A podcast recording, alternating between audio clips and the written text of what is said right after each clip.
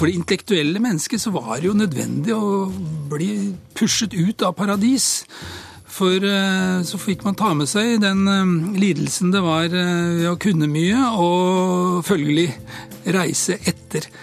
Ja, Reiseguider og meg, det er sånn Av og til er det veldig bra, og av og til fører det deg bare inn på den samme tråkket som veldig mange før deg. Og helst det siste, tenker jeg. Kurer. NRK P2. Nordmenn er et reisende folk. God økonomi har gitt oss handlingsrom som vi bl.a. bruker til å utforske andre land og fremmede kulturer. Vi higer også etter kunnskap om stedene vi besøker, og til det bruker vi ofte reisehåndbøker.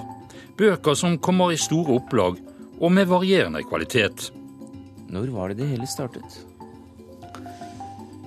Tja, hvis du ikke definerer Odysseen som en uh, reisehåndbok i, uh, i, mellom noen av de mest spennende øyene og kyststrekningene i det østre Middelhavet, så startet det Dette var et lite kutt fra reiseprogrammet Ut i verden, som gikk her i P2 mellom 1993 og 2009 med Sverre Tom Rade og Jens Risnes som programledere.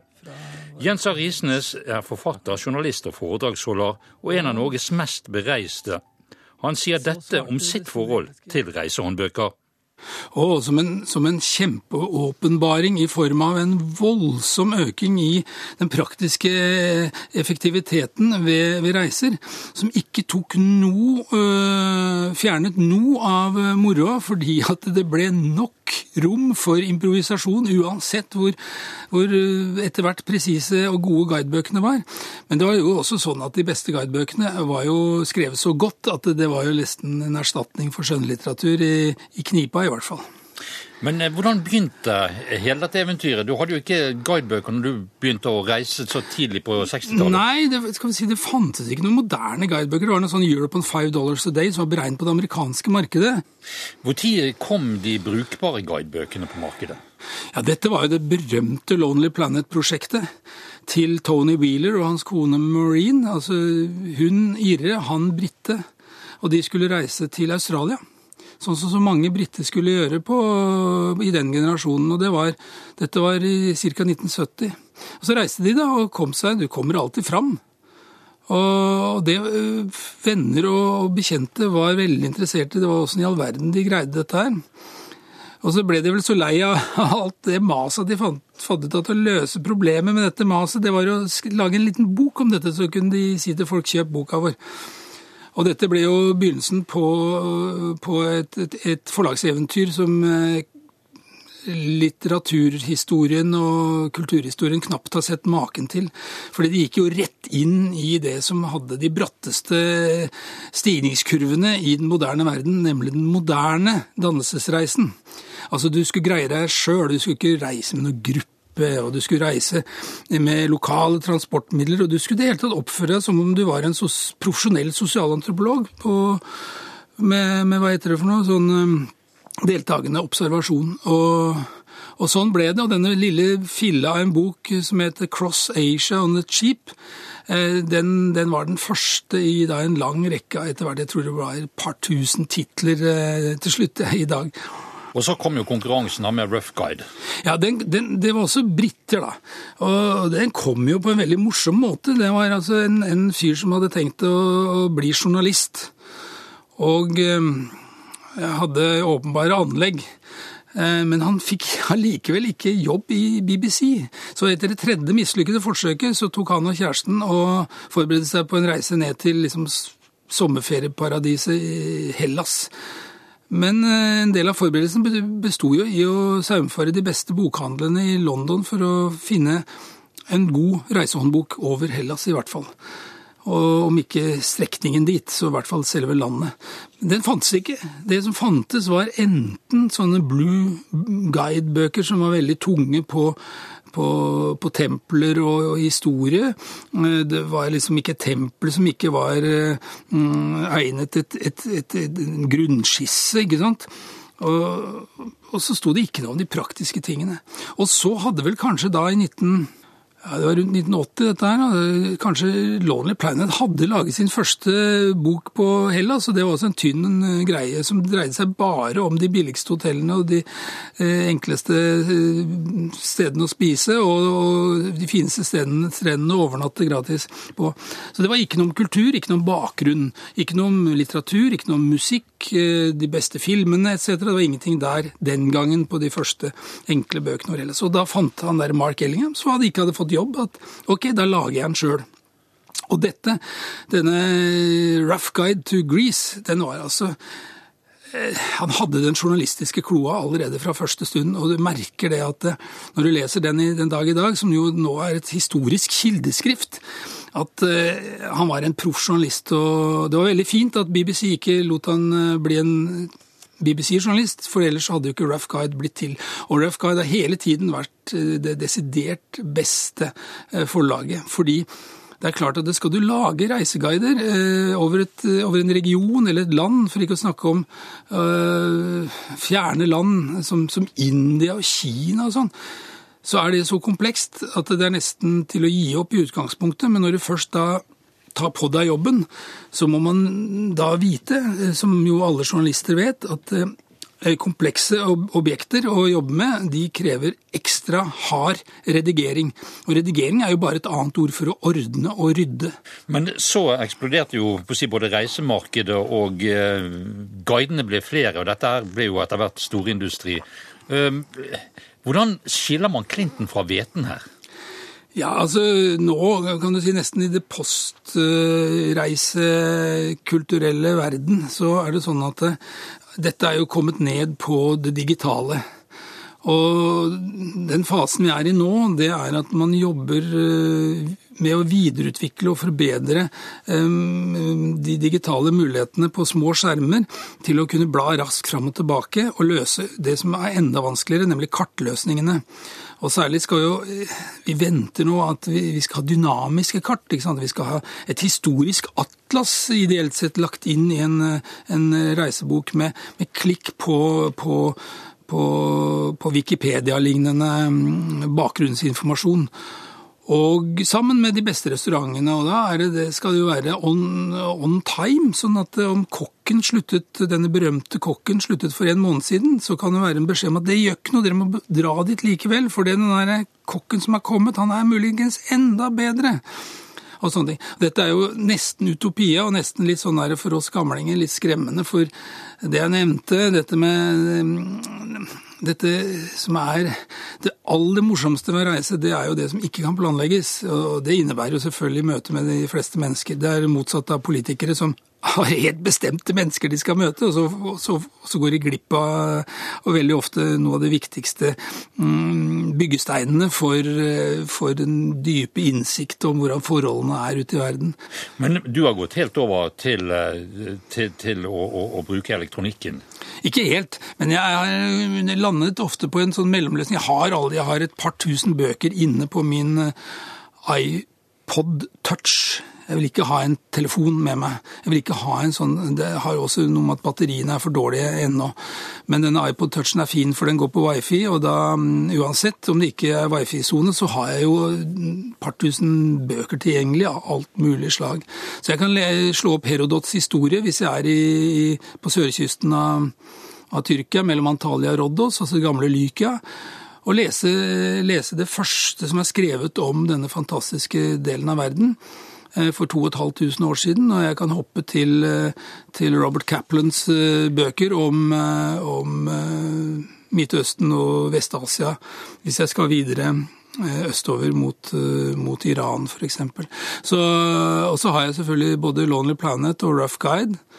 Og, men i tillegg så tar jeg fra de gamle bøkene mine i bokhylla, så river jeg ut de sidene som er aktuelle. Så har jeg putter dem i lomma. Så har jeg dem der.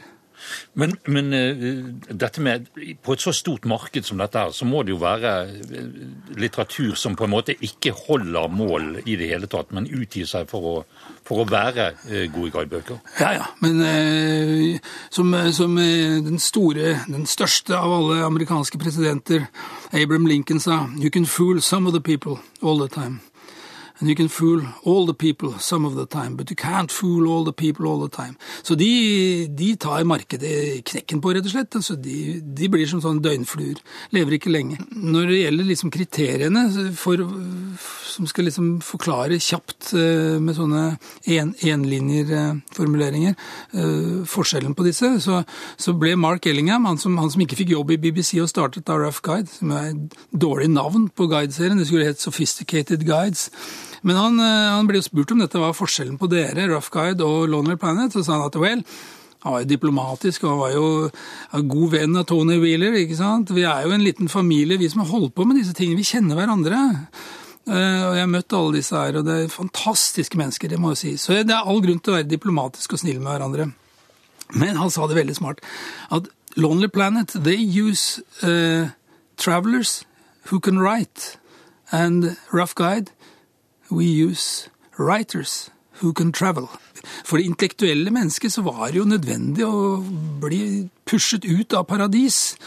For eh, så fikk man ta med seg den eh, lidelsen det var ved å kunne mye, og følgelig reise etter den nysgjerrigheten som den økende og økte kunnskapen eh, skapte i ethvert eh, normalt menneske. Det var jo kun de uheldige som var av en eller annen grunn eh, plaget av angst. Så stor angst at den kvalte nysgjerrigheten, som ikke, ikke kunne på en eller annen måte. Og så har man jo andre omstendigheter. og i, i, i, vårt Norge så har jo økonomien vært så dårlig siden svartedauden at Min fars generasjon hadde ikke råd til å reise. Det var for dyrt. Og det er jo også det med guidebøker, da. At det å holde på med dem hjemme i planleggingsfasen, det er jo definitivt en reise i seg selv. Og den bidrar jo selvfølgelig også til at selve reisen blir vellykket.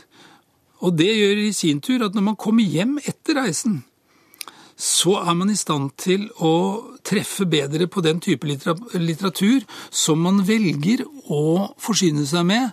Eh, Bl.a. fordi at du kan ikke snakke om en god eh, reisehåndbok eller en god reiseguide uten at det er en veldig god litteraturliste. Paul Olai Olsen er journalist og forfatter.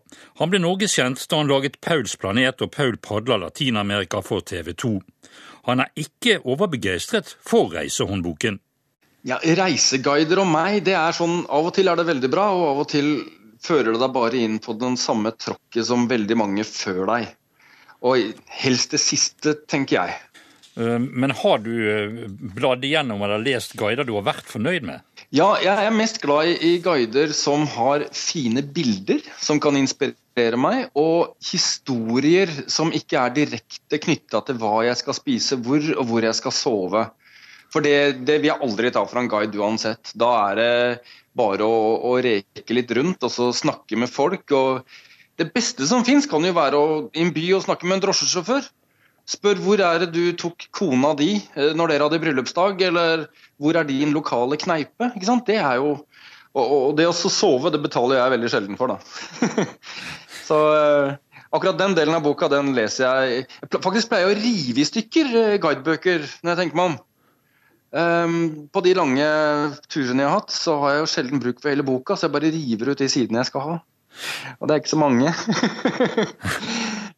Men nå reiser Men, vi jo eh, mer enn noen gang tidligere, og, og, og, folk har vel et legitimt behov for å kunne orientere seg?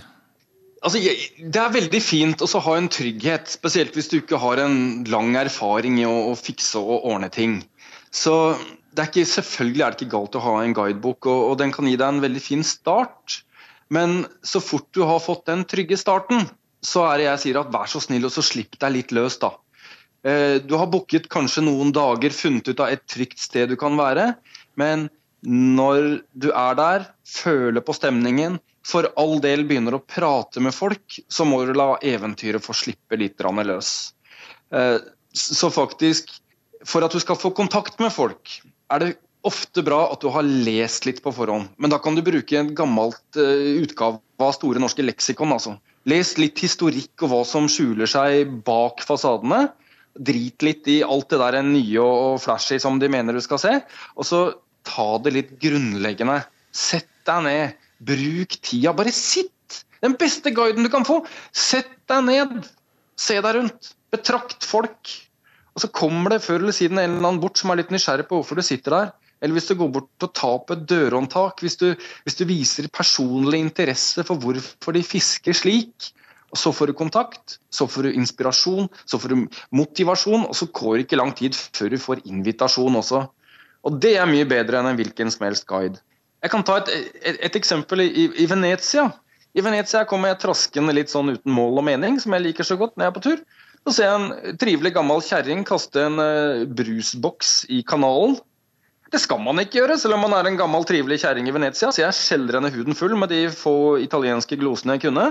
Så kommer en annen venezianer og er jo helt enig med meg. Så ender det med invitasjon til pizza og spagetti hjemme hos han en hel uke. ikke sant? Så eh, Du skal være deg selv, gi av deg selv, og så får du opplevelsen tilbake. og Så kommer den rullende på. altså.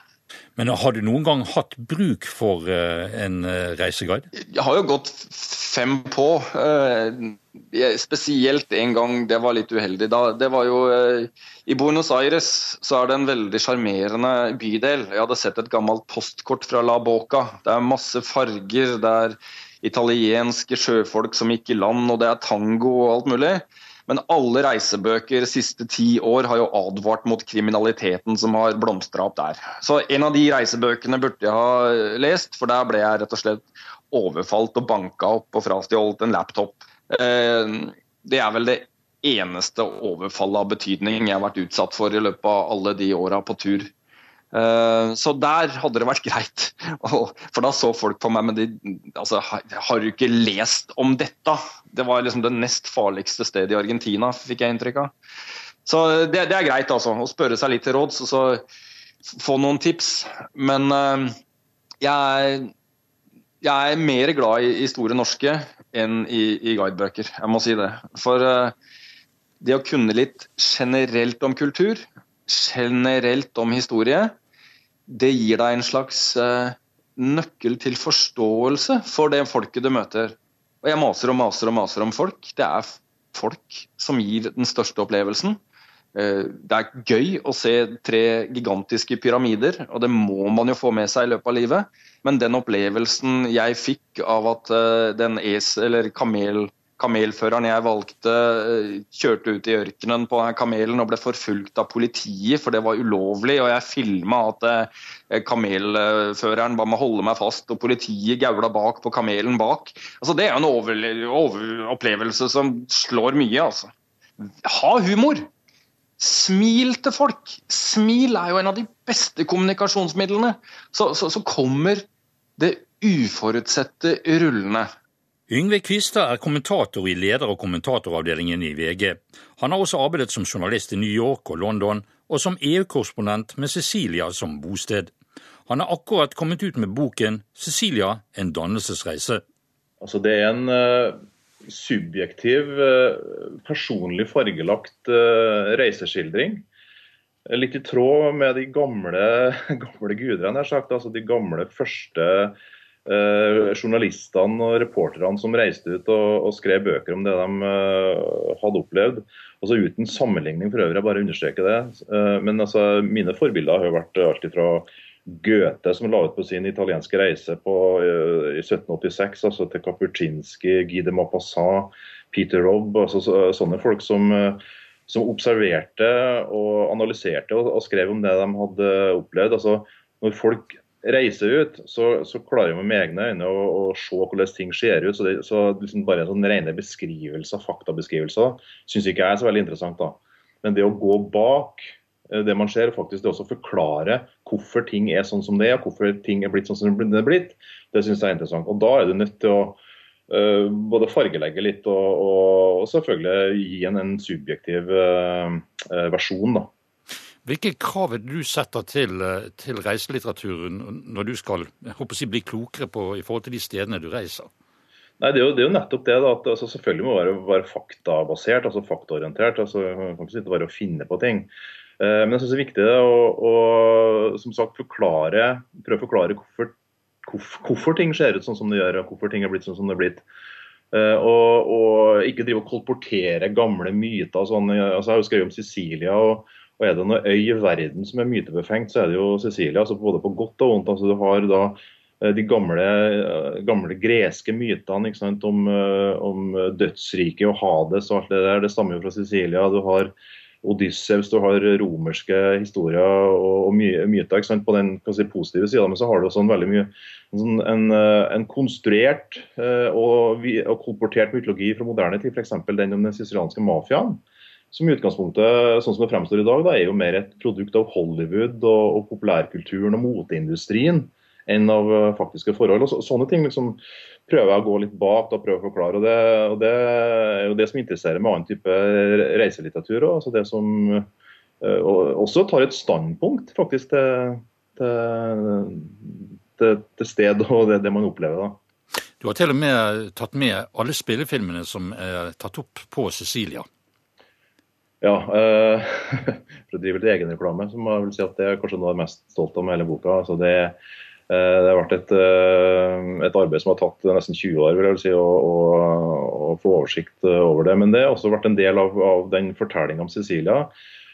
Cecilia formidla til oss via populærkulturen. altså Prøve å, å skille litt skitt og kanel der og da.